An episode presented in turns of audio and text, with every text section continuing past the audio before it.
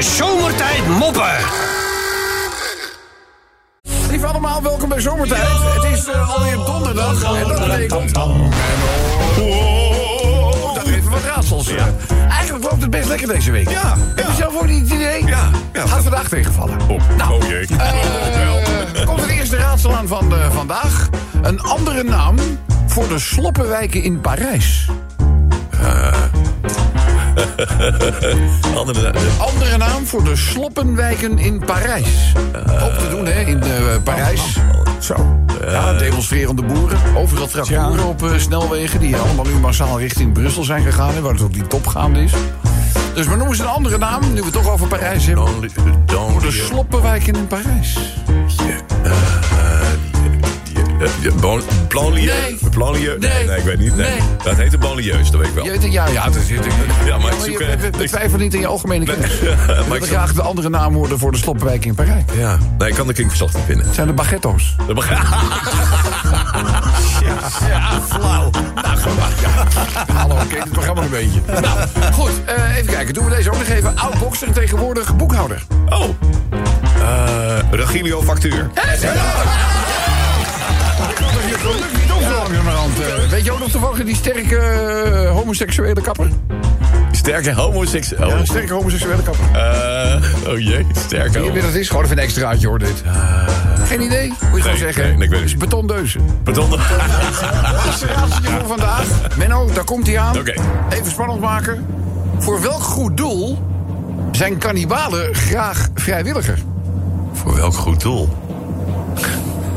Zijn kannibalen graag vrijwilliger? Het, Nou? het Nou, nou, op- op- oplossen van de eh, overbevolking? Nee. Nee? Nee, voor de armen. Oh, oh.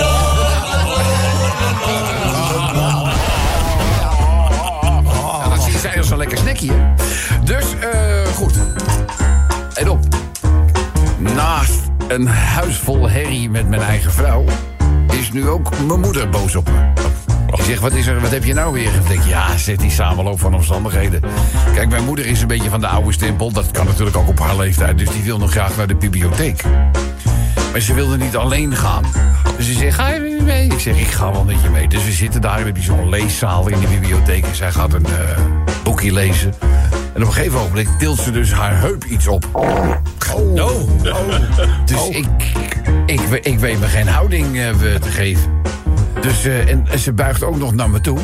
En ze zegt, ik heb net een, een klein zacht windje gelaten.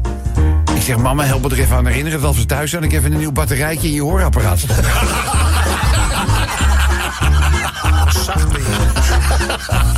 Rob, je kent deze? De pessimist die klaagt over de wind.